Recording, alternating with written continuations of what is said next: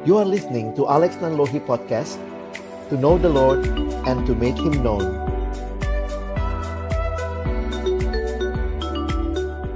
Mari kita berdoa sebelum kita membaca merenungkan firman Tuhan.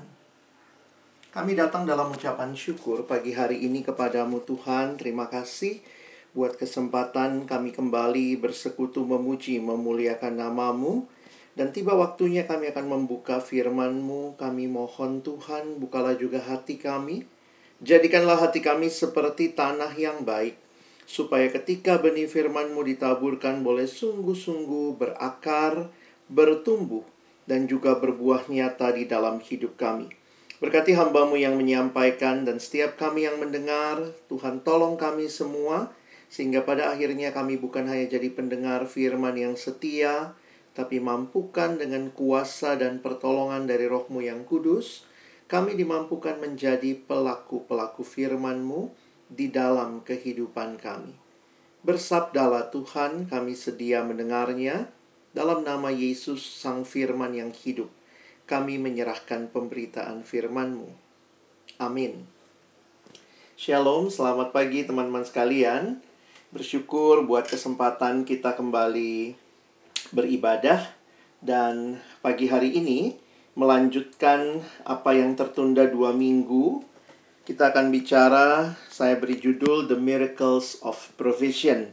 Jadi mujizat-mujizat pemeliharaan Allah.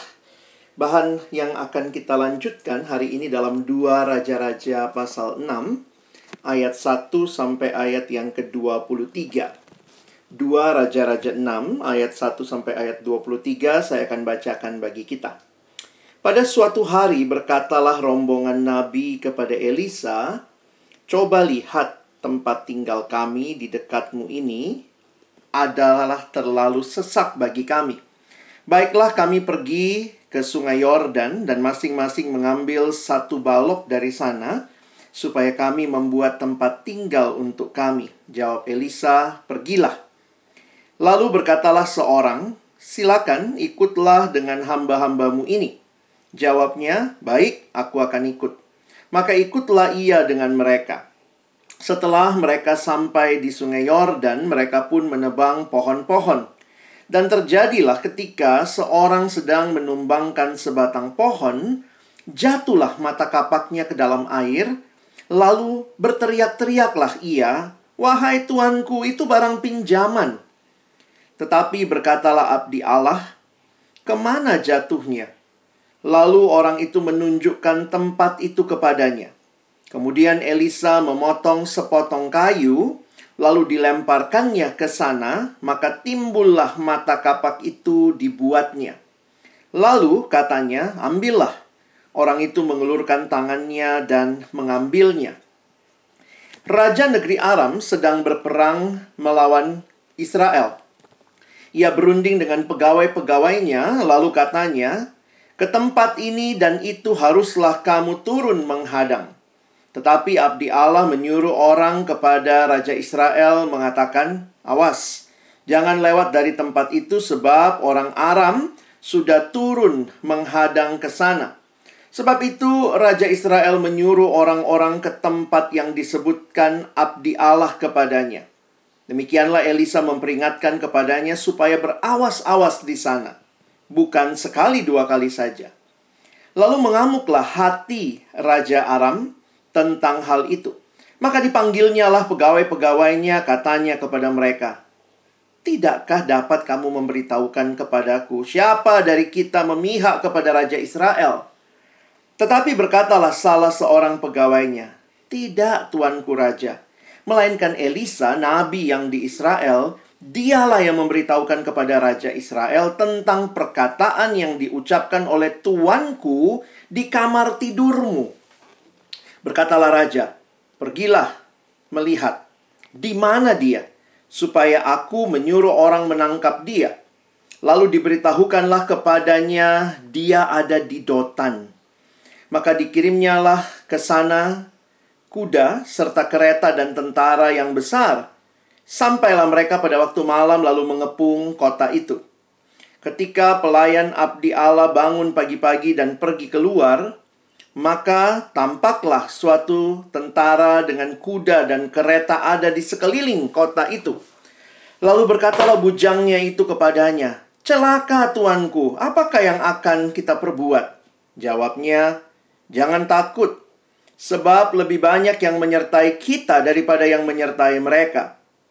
Lalu berdoalah Elisa, "Ya Tuhan, bukalah kiranya matanya supaya ia melihat." Maka Tuhan membuka mata bujang itu sehingga ia melihat. Tampaklah gunung itu penuh dengan kuda dan kereta berapi sekeliling Elisa. Ketika orang-orang Aram itu turun mendatangi dia, berdoalah Elisa kepada Tuhan, butakanlah kiranya mata orang-orang ini. Maka dibutakannya lah mata mereka sesuai dengan doa Elisa. Kemudian berkatalah Elisa kepada mereka, "Bukan ini jalannya dan bukan ini kotanya. Ikutlah aku, maka aku akan mengantarkan kamu kepada orang yang kamu cari." Lalu diantarkannya mereka ke Samaria. Segera sesudah mereka sampai ke Samaria, berkatalah Elisa, "Ya Tuhan, bukalah mata orang-orang ini supaya mereka melihat." Lalu Tuhan membuka mata segal mata mereka sehingga mereka melihat dan heran. Mereka ada di tengah-tengah Samaria. Lalu berkatalah Raja Israel kepada Elisa tatkala melihat mereka. Kubunuhkah mereka, Bapak? Tetapi jawabnya, jangan. Biasakah kau bunuh yang kau tawan dengan pedangmu dan dengan panahmu? Tetapi Hidangkanlah makanan dan minuman di depan mereka supaya mereka makan dan minum lalu pulang kepada tuan mereka. Disediakannya lah bagi mereka jamuan yang besar, makan, maka makan dan minumlah mereka. Sesudah itu dibiarkanlah dibiarkannya lah mereka pulang kepada tuan mereka. Sejak itu tidak ada lagi gerombolan-gerombolan Aram memasuki negeri Israel. Ya, teman-teman ini kalau dibikin uh, film kayaknya seru begitu ya. Dan kalau kita membayangkan, kita perlu untuk memberikan uh, sebuah gambaran yang kita coba cari scene-nya, settingnya, lalu cari pemerannya. Dan bagi saya yang menarik, uh, karena di dalam dua bagian ini, atau di dalam bagian yang kita baca tadi, saya bilangnya dua karena saya bagi dua bagian ya itu banyak terdapat percakapan. Sebagaimana kita tahu di dalam kebiasaan narasi, narator mungkin menceritakan dari perspektif dia. Tetapi di dalam bagian ini justru banyak percakapan detail yang dituliskan. Jadi ini ya menarik juga untuk kita perhatikan. Nah, saya ingin mengajak kita untuk melihat bersama-sama posisi Elisa sebagai pengganti Elia.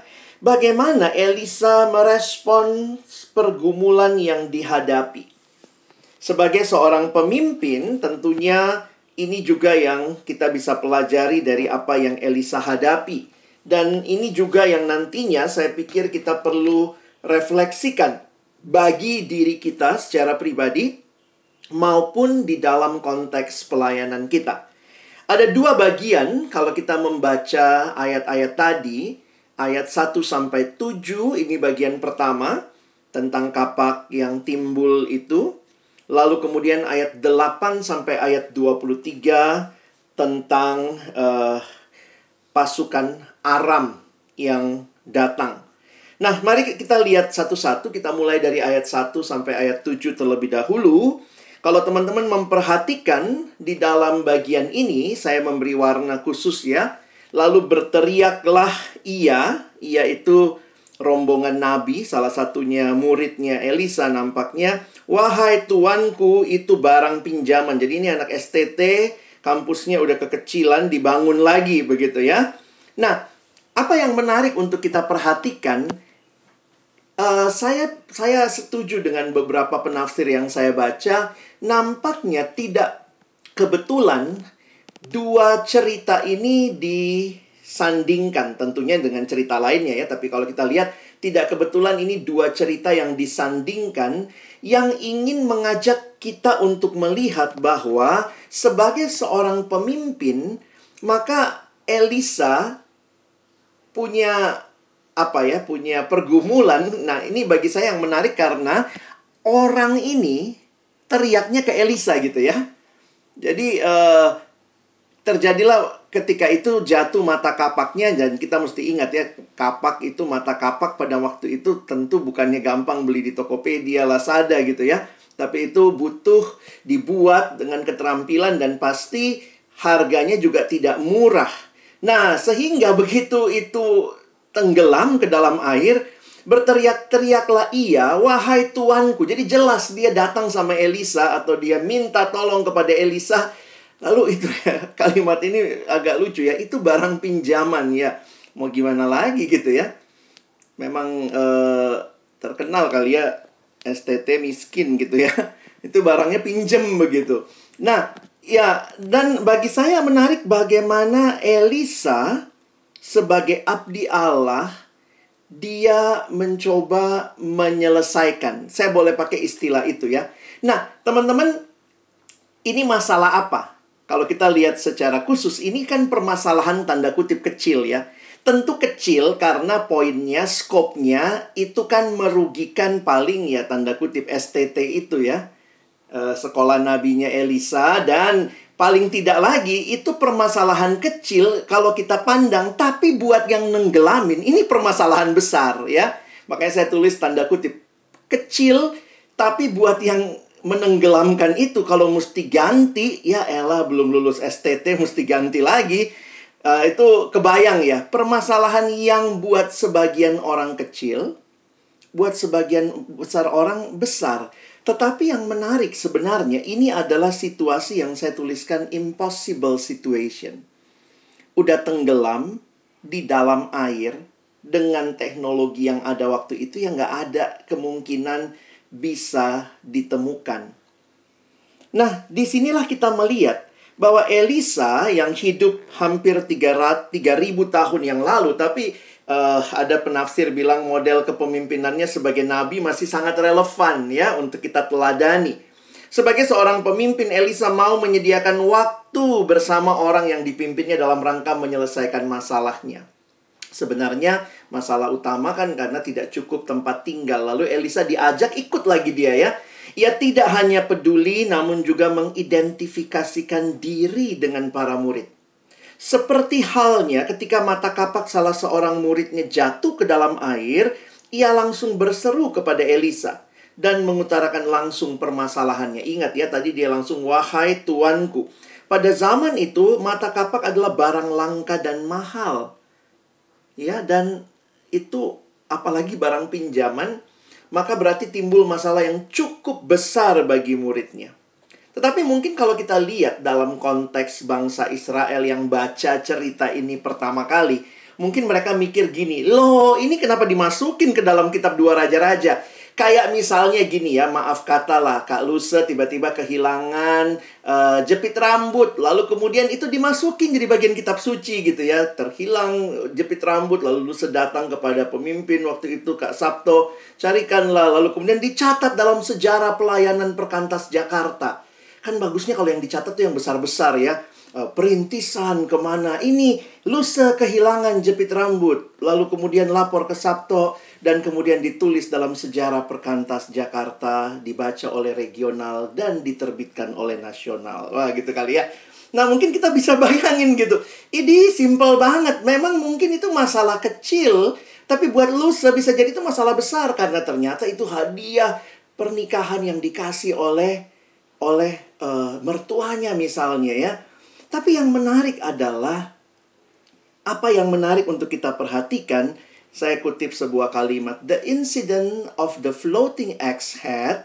Jadi uh, insiden atau kecelakaan ini yang dituliskan atau di dicantumkan uh, di sini mau menunjukkan bahwa Allah itu peduli loh dengan hal-hal yang sederhana.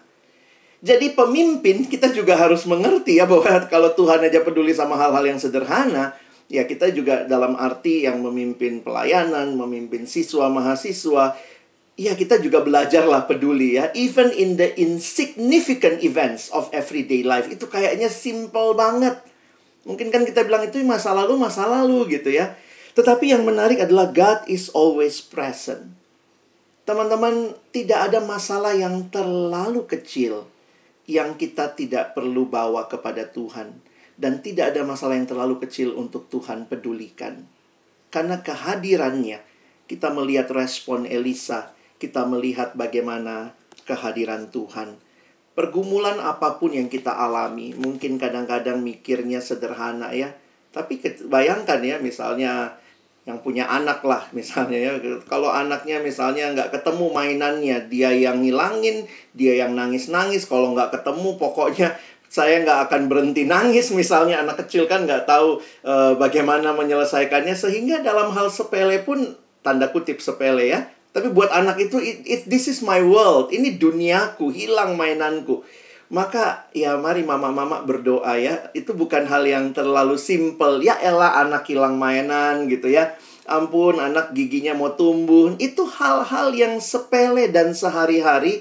Tetapi mari bawa kepada Tuhan.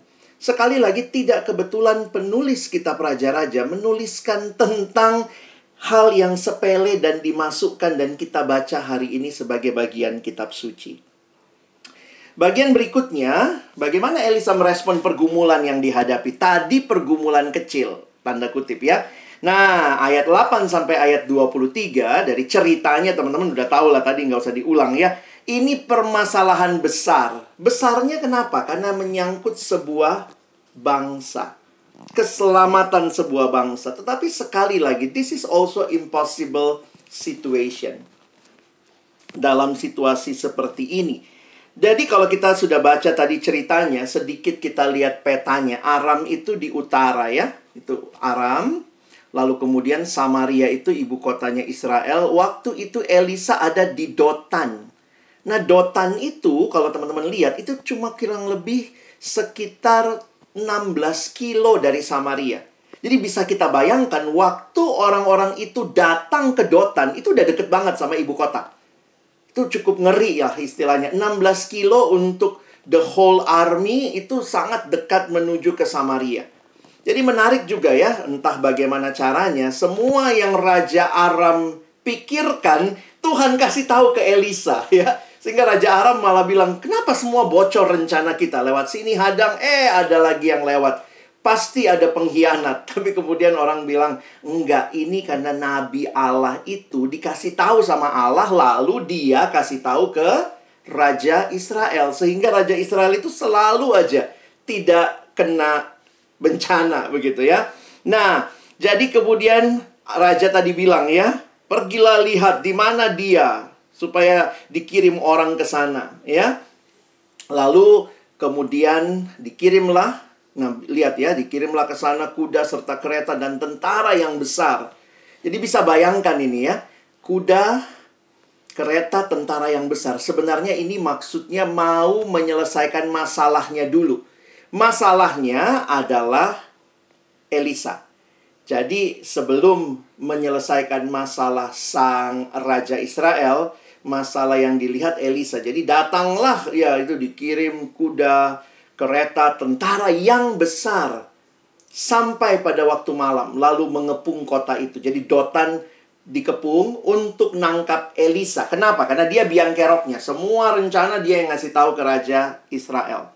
15. Ketika pelayan abdi Allah bangun pagi-pagi, jadi hambanya Elisa pergi keluar, maka tampaklah suatu tentara dengan kuda dan kereta di sekeliling kota itu. Lalu berkatalah bujangnya itu kepadanya, "Celaka tuanku, apa yang akan kita perbuat?" Apa yang kita pelajari secara sederhana? Model kepemimpinan Elisa yang lain tergambar jelas ya dalam situasi ini ketika negeri Aram menyerang Israel. Sebagai pemimpin, ia mampu menguasai dan menggunakan data informasi yang ia dapatkan untuk menyelamatkan bangsa Israel. Sebenarnya kalau kita bisa bayangkan kalau Elisa mau cari untung, dia malah bisa jual informasi itu sama Raja Aram ya. Tapi kan dia taat sama Tuhan, bahkan informasi dia justru kasih tahu ke Raja Israel supaya setiap kali mau diserang, maka dia menolong Israel.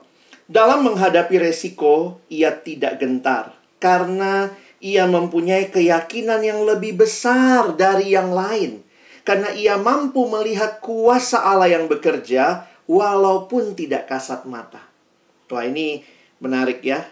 Seorang hamba Tuhan beberapa kali dicatat kalau teman-teman baca ada kira-kira empat mujizat sebenarnya yang terjadi dalam konteks Elisa dalam bagian sebelumnya dan nanti sesudahnya. Kalau kita perhatikan, Elisa berdoa. Dia yakin ya bahwa Tuhan menyertai dan lebih banyak yang menyertai mereka. Nah, jadi teman-teman bisa lihat Elisa berdoa, "Tuhan, bukalah kiranya matanya supaya ia melihat." Maka Tuhan membuka mata bujang itu sehingga ia melihat tampaklah gunung itu penuh dengan kuda dan kereta berapi sekeliling Elisa. Seorang penulis atau pelukis mencoba menggambarkannya seperti ini. Jadi, ternyata lebih banyak lagi yang dilihat dengan penglihatan yang dari Tuhan. Ini jadi perenungan buat kita juga dalam menghadapi pergumulan hidup sebagai anak-anak Tuhan. Tentunya hidup tidak selamanya berjalan sesuai dengan yang kita kehendaki. Tapi ada saat-saatnya dalam kesulitan-kesulitan hidup, apa yang perlu kita yakini? Kalau itu bukan kesalahan kita, ya bukannya nyolong lalu kemudian masuk penjara itu salah sendiri ya. Tetapi ketika kita berjuang dalam pelayanan misalnya, dalam bergumul dengan masalah keluarga, mengatasi pergumulan-pergumulan hidup, maka saya tetap meyakini bahwa Tuhan pun hadir. Sama ya, hal kecil, hal besar. Nah, sebenarnya buat kita yang ngalamin masalah semua jadi hal besar ya. Tapi kehadiran Tuhan itu nyata. Memang sering kali pertolongan yang kelihatan aja udah luar biasa ya tetapi yang tidak terlihat pun kita sebagai orang percaya yakin Tuhan hadir dan Tuhan menyertai dengan pasukannya yang hebat. Dalam sebuah tulisan dikatakan, God still fights for his people, even when they cannot see the full picture. Kadang-kadang kita pikir, Tuhan kenapa saya berjuang sendiri? No, God still fight for his people dan kita diberikan pengharapan dalam kitab Wahyu. In the book of Revelation, John, Rasul Yohanes describe Jesus as the warrior king. Seorang uh, raja yang uh, memimpin peperangan who will one day return to fight for his people and defeat Satan, sin and death once and for all. Bahwa kehadirannya bukan hanya saat ini tetapi juga nanti dia akan memberikan kemenangan yang sejati dan hidup yang kekal kepada kita. Sehingga kalau teman-teman perhatikan orang Aram tuh turun dapatin Elisa. Nah, ini ceritanya unik juga ya. Elisa dengan santai gitu ya, minta lagi dia sama Tuhan, berdoa ya. Saya nggak tahu nih gimana minta butakan mata orang-orang ini ya. Terlalu berani juga kalau kita minta sekarang butakan mata siapa gitu ya. Tapi logikanya yang bagi saya menarik adalah penyerahan diri kepada Tuhan. Tentu Elisa tahu dia tidak punya prajurit sebanyak orang Aram. Paling tidak di Dotan. Maka 6 ayat 19 menarik. Elisa bilang gini ya kepada mereka. Menarik juga dia ngomong. Bukan ini jalannya dan bukan ini kotanya. Please coy, ini baru sampai Dotan. Masih 16 kilo nih ke Samaria. Yo ikut aku, maka aku akan mengantarkan kamu kepada orang yang kamu cari. Ya, Lalu diantarkannya mereka ke Samaria, 16 kiloan itu. Segera sesudah mereka sampai Samaria, berkatalah Elisa, "Ya Tuhan, bukalah mata orang-orang ini supaya mereka melihat." Dan kaget juga mereka ya. Tadinya mereka merasa mungkin dirinya sebagai yang menyerang, tapi sekarang mereka bahkan dibawa masuk, diantar. Sehingga mereka heran, mereka ada di tengah-tengah Samaria. Seorang penafsir memberikan komentar begini ya. Elisa juga mampu mengimplementasikan strategi yang cerdik dan taktis untuk dua hal. Membebaskan Israel dari ancaman Aram, tetapi tanpa kekerasan yang merugikan kedua belah pihak. Tentu Elisa tahu juga kekuatan Israel, kekuatannya Aram. Tapi ini menarik ya. Ini yang kita baca seperti menumpukan bara api di atas di atas kepala musuh. Jadi musuhnya langsung jiper sendiri, nggak enakan sendiri. Karena menarik juga, raja itu kan nanya sama Elisa ya, Elisa na, eh, waktu sudah sampai di depannya ini semua orang Aram ya pasukannya itu kan jangan lupa jumlah pasukan yang besar. Kubunuhkah mereka Bapak? Nanya gitu ya. Tetapi jawabnya jangan ya. Jangan. Biasakah kau bunuh yang kau tawan dengan pedangmu? Tetapi hidangkanlah makanan dan minuman di depan mereka. Wow. Supaya mereka makan dan minum lalu pulang kepada tuan mereka. Kira-kira waktu pulang mereka cerita apa? Kami di sana dijamu. Wih, itu bagi mereka pasti akan jadi sesuatu yang kalau kita mau dibunuh gampang banget gitu. Tetapi justru dengan dijamu itu kan sebenarnya bentuk penyambutan. Menyambut musuh ternyata tanda kutip itu menumpukan bara di atas kepala musuh. Ayat 23 mengatakan, disediakannya lah bagi mereka jamuan yang besar, maka makan dan minumlah mereka sesudah itu dibiarkan dibiarkannya lah mereka pulang kepada tuan mereka dan perhatikan efeknya. Sejak itu tidak ada lagi gerombolan-gerombolan Aram memasuki negeri Israel. Paling tidak untuk beberapa waktu. Karena begitu masuk pasal 7 balik lagi ya, Aram memang jugul ya. Masuk lagi dia nanti di pasal 7. Tapi paling tidak untuk sementara itu tenang. Jadi saya melihat bahwa pemimpin menghadapi persoalan yang besar, persoalan yang kecil, pelayan-pelayan Tuhan kita pun mengalami hidup dalam pergumulan yang kita bisa anggap besar, orang lain anggap kecil, atau kita sama-sama anggap kecil, atau kita semua sama-sama anggap besar, tapi yang pasti di atas semuanya itu sebagai pemimpin, Elisa merupakan pemimpin yang berdoa, dan diperlengkapi dengan kuasa yang dari Allah sendiri. Ini rahasia utama seorang pemimpin. Kebergantungan penuh kepada Allah untuk memimpin umat menyelesaikan pergumulan-pergumulan umat. Sehingga pertanyaannya bagi kita, kalau tadi Elisa ya, bagaimana Elisa merespons pergumulan yang dia hadapi? Bagaimana kita yang sudah belajar hari ini merespon pergumulan yang kita hadapi saat ini? Apakah kita tetap sama seperti Elisa menyadari God's power is greater than the impossible situation we face? Kuasa Allah itu lebih besar dari segala ketidakmungkinan situasi-situasi yang kita hadapi. Jadi teman-teman yang dikasihi Tuhan, kita bersyukur karena pada akhirnya yang sungguh-sungguh berjuang bagi kita. Alkitab menyatakan, bukan Elisa, tetapi Yesus. Dialah yang membela kita. Dialah yang menjadi solusi utama bagi kita. Sehingga kalau ada kalimatnya bilang gini ya, though Satan is taking aim at the people of God, believers can have full confidence Walaupun setan begitu kuat, kita bisa punya keyakinan God is at work in ways they cannot see or comprehend, preparing them spiritually for every challenge. Dan sebenarnya di balik ini semua kita melihat Yesus menggenapinya. Christ alone is the victorious king who will rid the world of all suffering and pain In the meantime, this same warrior king is with his people by the power of the Spirit. Teman-teman dan saya, mungkin kita orang yang sedang bertanggung jawab dalam sebuah pelayanan, kayaknya kita yang sedang berjuang, tetapi ingatlah bahwa Kristus sendiri hadir di dalam perjuangan kita saat ini melalui kuasa rohnya yang kudus. Dan Yesus berjanji, He will go with his people as they seek to take the gospel to the end of the world. Janji penyertaan Tuhan di Matius 28. Aku menyertai kamu senantiasa sampai kesudahan sampai pada kesudahannya. Teman-teman, kadang-kadang kita maunya penyertaan Tuhan ya. Tuhan sertai kami. Tapi ya menarik Matius 28 menjanjikan Tuhan berjanji pasti aku sertai ketika engkau pergi, beritakanlah Injil kepada semua bangsa.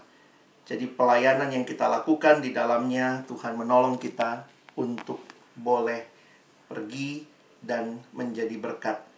Dan di dalam anugerah Tuhan dia menolong kita untuk hidup bagi dia. Kiranya perenungan ini menolong kita semua, saya, teman-teman, untuk belajar terus bergantung kepada Tuhan, jadi pemimpin-pemimpin dalam kelompok kecil, KTB, pelayanan besar kecil, kita punya Tuhan yang senantiasa menyertai kita. Dan Kristus yang sudah menyelesaikannya bagi kita. Amin. Saya mohon kesediaan uh, Bebet ada di sini, boleh meresponi menutup dalam doa. Silakan.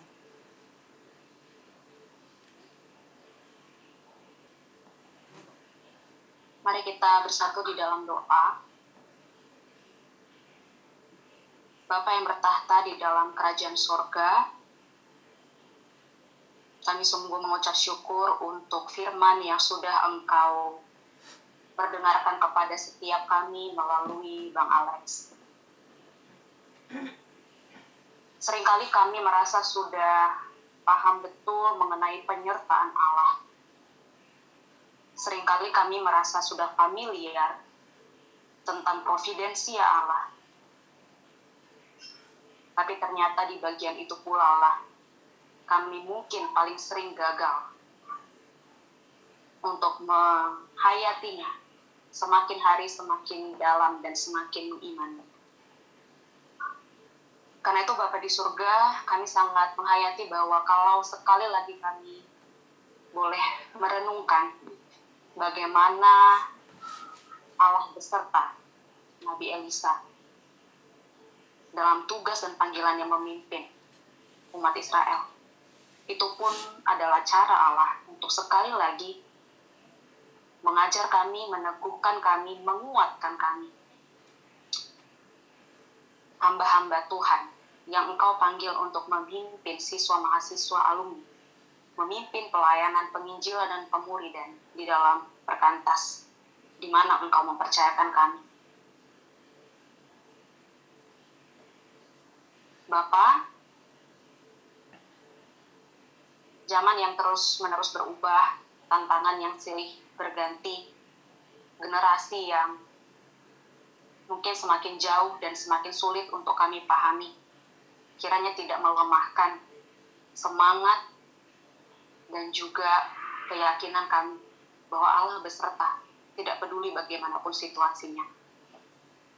Tolonglah kami ya Allah, supaya boleh menjadi para pelayan Tuhan yang memimpin dengan iman dan percaya kami, dengan pengharapan bahwa Allah beserta dan Allah akan menyelesaikan pelayanan yang kami kerjakan bagi kemuliaan namanya, bagi umat yang paling dia kasihi.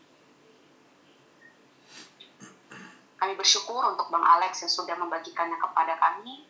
Kiranya Tuhan juga tolong Bang Alex boleh terus-menerus meyakini penyertaan Allah kepedulian Allah, kuasa Allah dalam setiap pergumulan yang Bang Alex dan juga keluarga uh, mungkin hadapi. Terpuji dan termulialah Engkau ya Allah, dulu sekarang dan sampai selama-lamanya. Dalam nama Yesus kami berdoa dan bersyukur. Amin. Makasih Bebet, saya kembalikan pada Lusa.